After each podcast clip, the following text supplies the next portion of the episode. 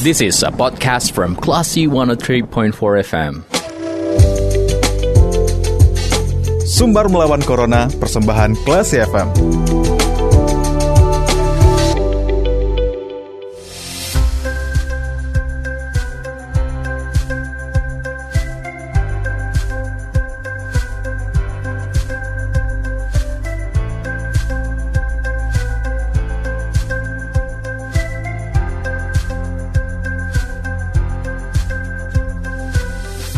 Empat kelas FM, this is the actual radio. Classy People kembali lagi ada mencermati program Sumber Melawan Corona bersama saya, Radi Pranata. Dan kali ini kita akan ngobrol bersama dengan Dr. Dedi Herman SPP. Beliau ini adalah dokter di Rumah Sakit Darurat COVID-19 Wisma Atlet dan juga Wakil Satgas COVID RSAM Bukit Tinggi People. Kita sapa dulu beliau di line telepon. Assalamualaikum Dr. Dedi. Waalaikumsalam Mas Radit juga Waalaikumsalam Assalamualaikum buat seluruh pemirsa kelas FM Baik Mudah-mudahan semuanya uh-huh. selalu perlindungan Allah Amin Dan juga seluruh uh, pembawa acara dari kelas FM juga semuanya sehat Amin. Dan dipanjangkan eh. uh, usianya oleh Allah Amin ya Rabbal ya, Alamin ya, bisa bersama-sama kita uh-huh. buat masyarakat pintar uh-huh. Masyarakat uh, ilmunya bertambah Dan mau ikut serta dalam masalah COVID ini, Mas Radin. Iya, benar sekali nih dokter. Uh, kita pengen bahas mengenai beberapa kekhawatiran masyarakat ini dok. Kan ini kan salah satu cara untuk memutus mata rantai COVID ini dengan vaksin gitu ya dok ya. Nah mungkin ada beberapa Betul yang sekali, masih takut dengan divaksin misalnya. Kemudian kita akan bicarakan juga mengenai persiapan dan dampak apa saja yang perlu dilakukan dok. Nah sebelum itu uh, saya mau tanya dulu, dokter sudah divaksin ya dok ya? Sudah, sudah Mas Ari. Kapan dok?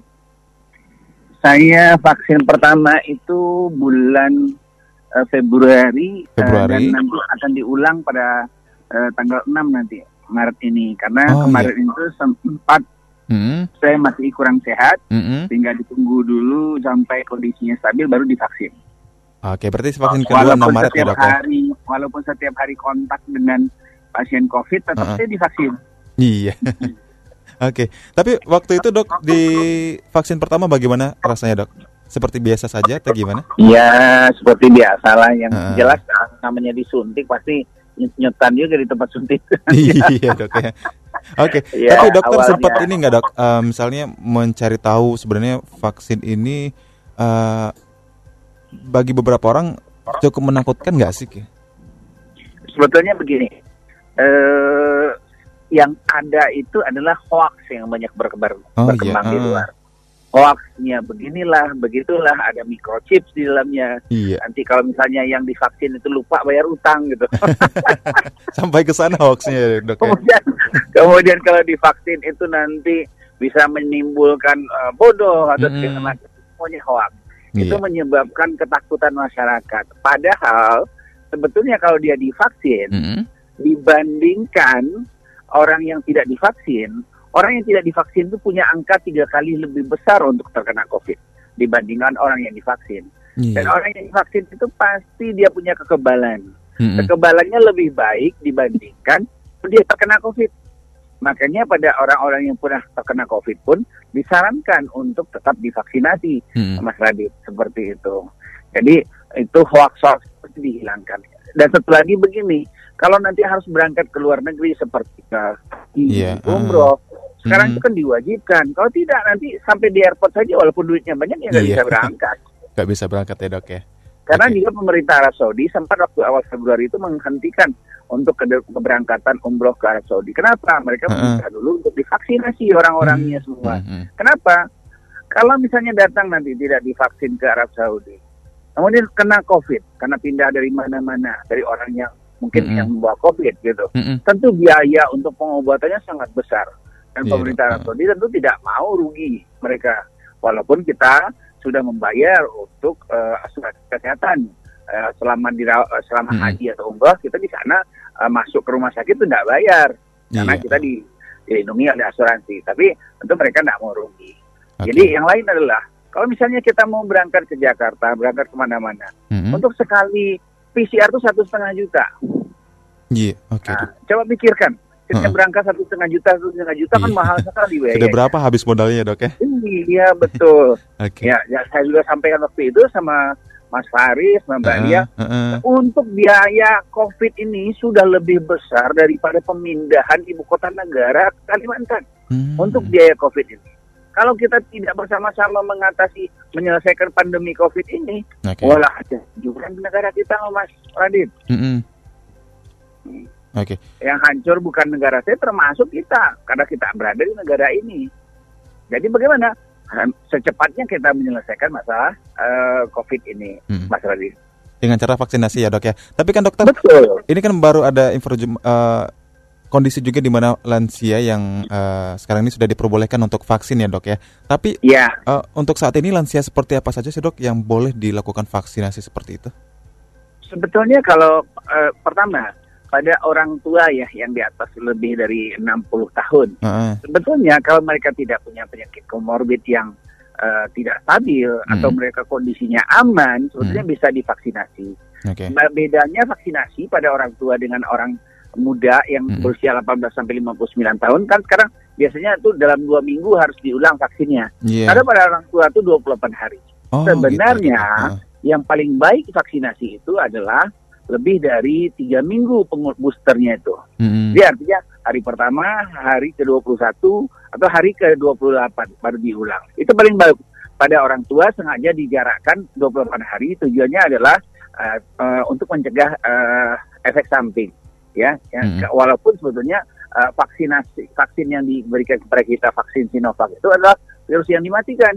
Mm-hmm. Virus yang dimatikan artinya tidak akan menimbulkan apa-apa sebetulnya kepada orang yang divaksin tadi Mas Yeah, okay. Walaupun mungkin saja nanti alergi ada mm-hmm. ya. Alergi itu karena di samping vaksin bahannya untuk menimbulkan daya tahan tubuh itu ada juga bahan pembawanya seperti aluminium hidroksida mm-hmm. yang menyebabkan beberapa pasien uh, mungkin demam ya okay. mungkin uh, uh, agak agak agak uh, seperti uh, sakit kepala seperti mm-hmm. itu itu mungkin mungkin saja seperti itu atau pusing atau mual muntah seperti itu masalah Hmm. Tapi angkanya tidak banyak kan kalau hmm. kita lihat sekarang sudah lebih dari satu juta yang divaksin kan. Hmm.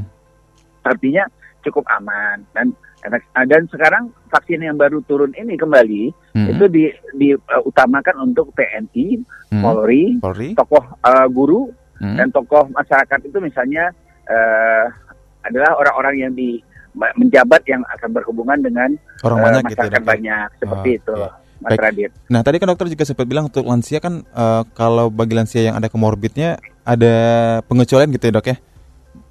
Sebetulnya begini, mereka bukan tidak boleh divaksin, mm -hmm. ya.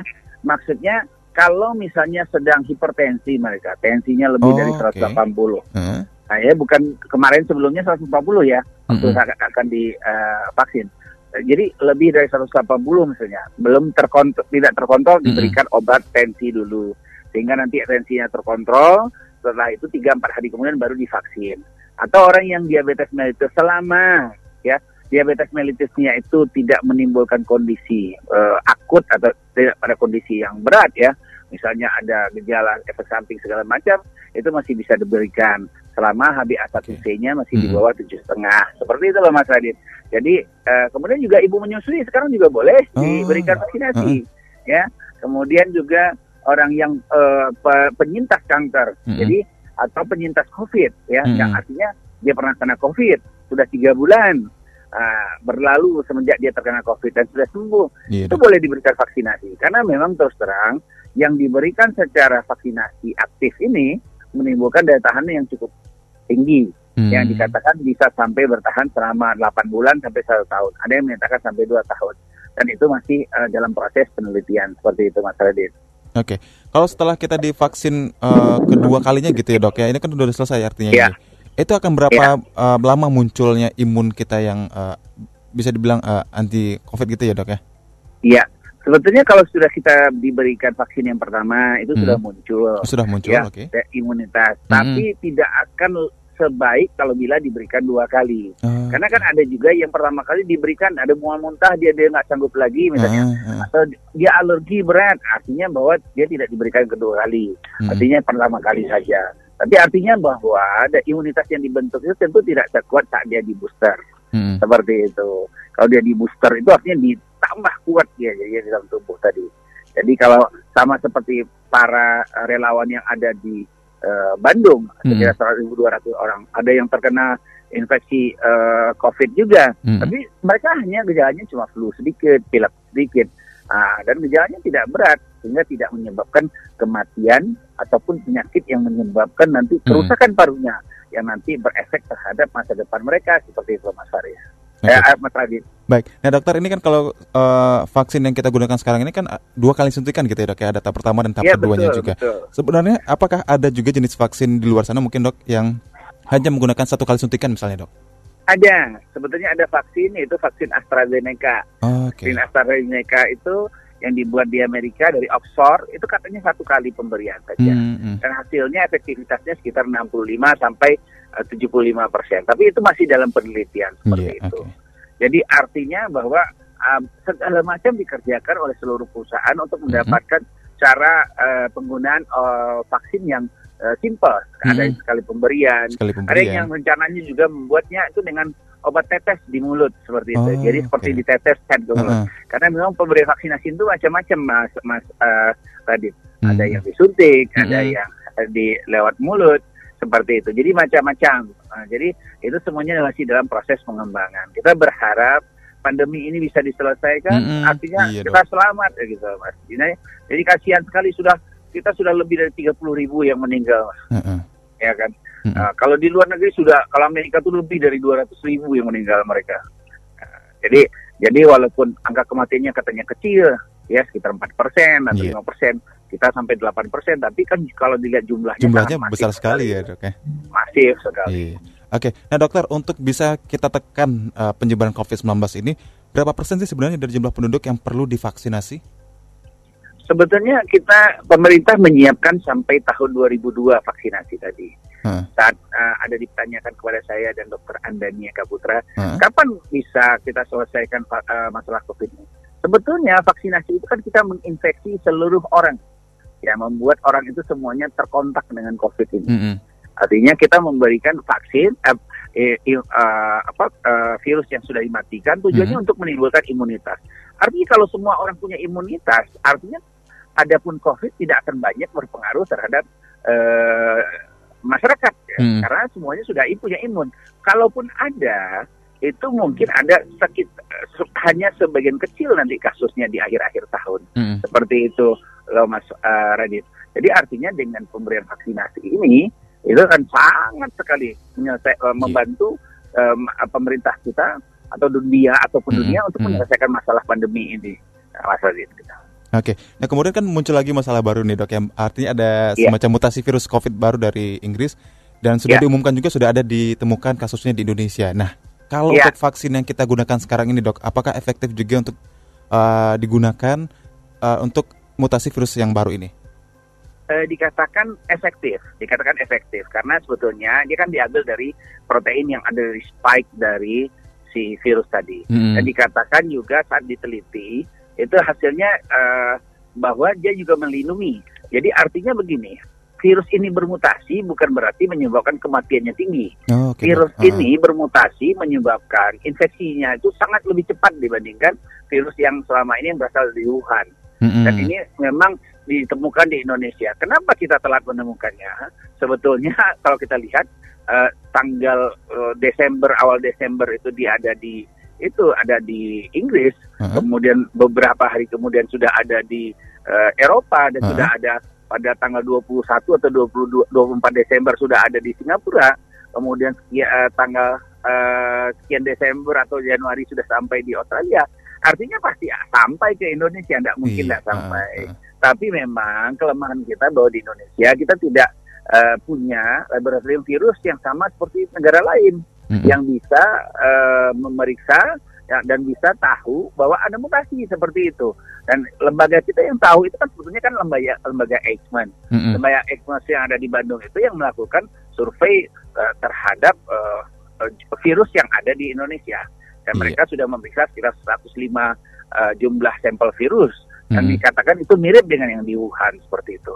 Walaupun yang dikatakan uh, apa vaksin yang berasal uh, pertama yang ada sekarang ini berasal dari virus yang ada awal di Wuhan, hmm. tapi dikatakan bahwa efektivitasnya lebih dari 60, oh, okay. uh, efekasinya lebih dari 65 persen. Artinya apa? Kalau WHO cuma mentargetkan lebih dari 50 persen. Artinya lebih dari 65 persen itu sudah cukup bagus. Artinya iya, kita ada ikhtiar, kita berusaha betul-betul untuk menjaga jangan sampai kondisinya menjadi lebih berat apabila terinfeksi. Seperti itu loh Mas Radit. Oke. Nah, kemudian yang terakhir dok, bagi beberapa masyarakat uh, kan tadi kita sudah bahas juga bagaimana manfaat dari vaksin ini dan juga uh, pengaruhnya dengan mutasi virus COVID-19 yang dari Inggris itu. Nah, kalau seandainya ya. masih ada yang takut di dok buat divaksin, uh, mungkin ada semacam treatment tersendiri yang ya bisa dikasih ke pendengar kita, dokter? Iya, sebetulnya begini. Uh, mutasi itu banyak. Jadi hmm. sebetulnya hmm. virus ini kan virus RNA virusnya sangat labil sekali sehingga hmm. biasanya itu cepat sekali bermutasinya. Dan mutasi itu bukan hanya yang ada dari Inggris. Sebetulnya ada yang lebih berbahaya lagi, yang cep lebih cepat lagi penularannya itu yang yang mutasi yang ada di Afrika Selatan. Hmm. Itu jauh okay, lebih cepat lagi. Uh-huh. Dan uh, terus terang uh, vaksinasi akibatnya uh, agak kurang efektif waktu itu di Afrika Selatan. Ter- karena waktu hmm. di Afrika Selatan itu banyak yang COVID plus dengan HIV. Nah, oh, efektivitas gitu, vaksinnya turun uh-huh. karena dia ada HIV di situ. Kemudian untuk yang masih takut divaksinasi, sebetulnya begini, dengan divaksinasi, seperti saya awal katakan, hmm. bahwa orang yang tidak divaksin punya kemungkinan eh, besar tiga kali lebih besar untuk terkena COVID hmm. dan kemungkinan itu bisa saja ringan, sedang berat ataupun menjadi orang tanpa gejala bisa saja. Hmm. Tapi e, kalau misal imunitasnya rendah, pasti akan menimbulkan uh, kondisi yang tidak baik untuk uh, pasiennya ataupun orang yang terkena. Kalau dia misalnya divaksin, kalaupun nanti terkena COVID, kan kita tidak tahu, yeah, kita berharap uh, ya. Uh. Selagi kita masih melaksanakan 3M atau 5M sekarang ya, uh. dan 3T, uh, yang 3M tadi menjaga jarak, memakai masker, mencuci tangan, yang 2M-nya lagi adalah ma ma ma menghindari kerumunan, mm-hmm. yang kemudian adalah mengurangi imobilisa mobilisa mengurangi mobilisasi.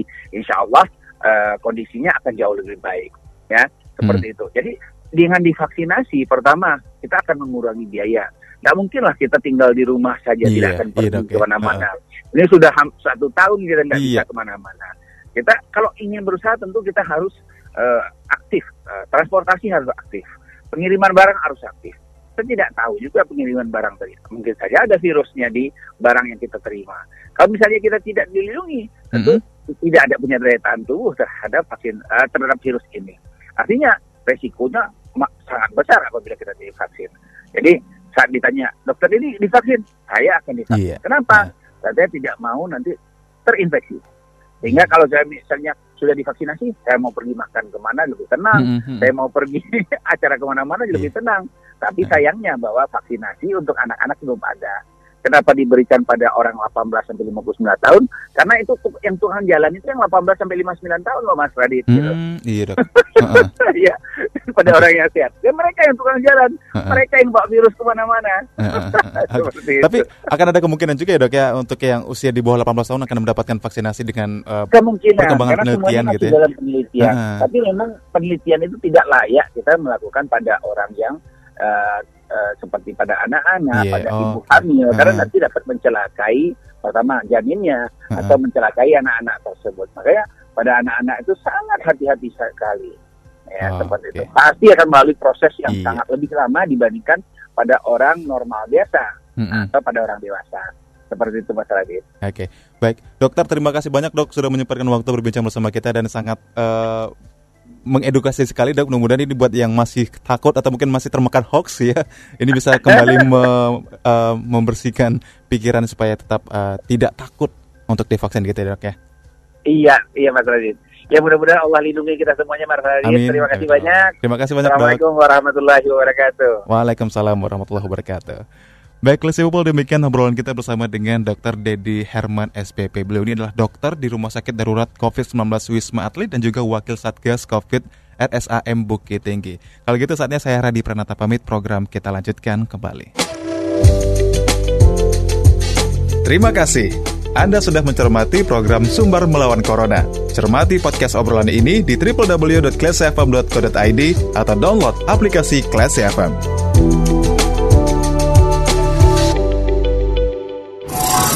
This is a podcast from Classy 103.4 FM.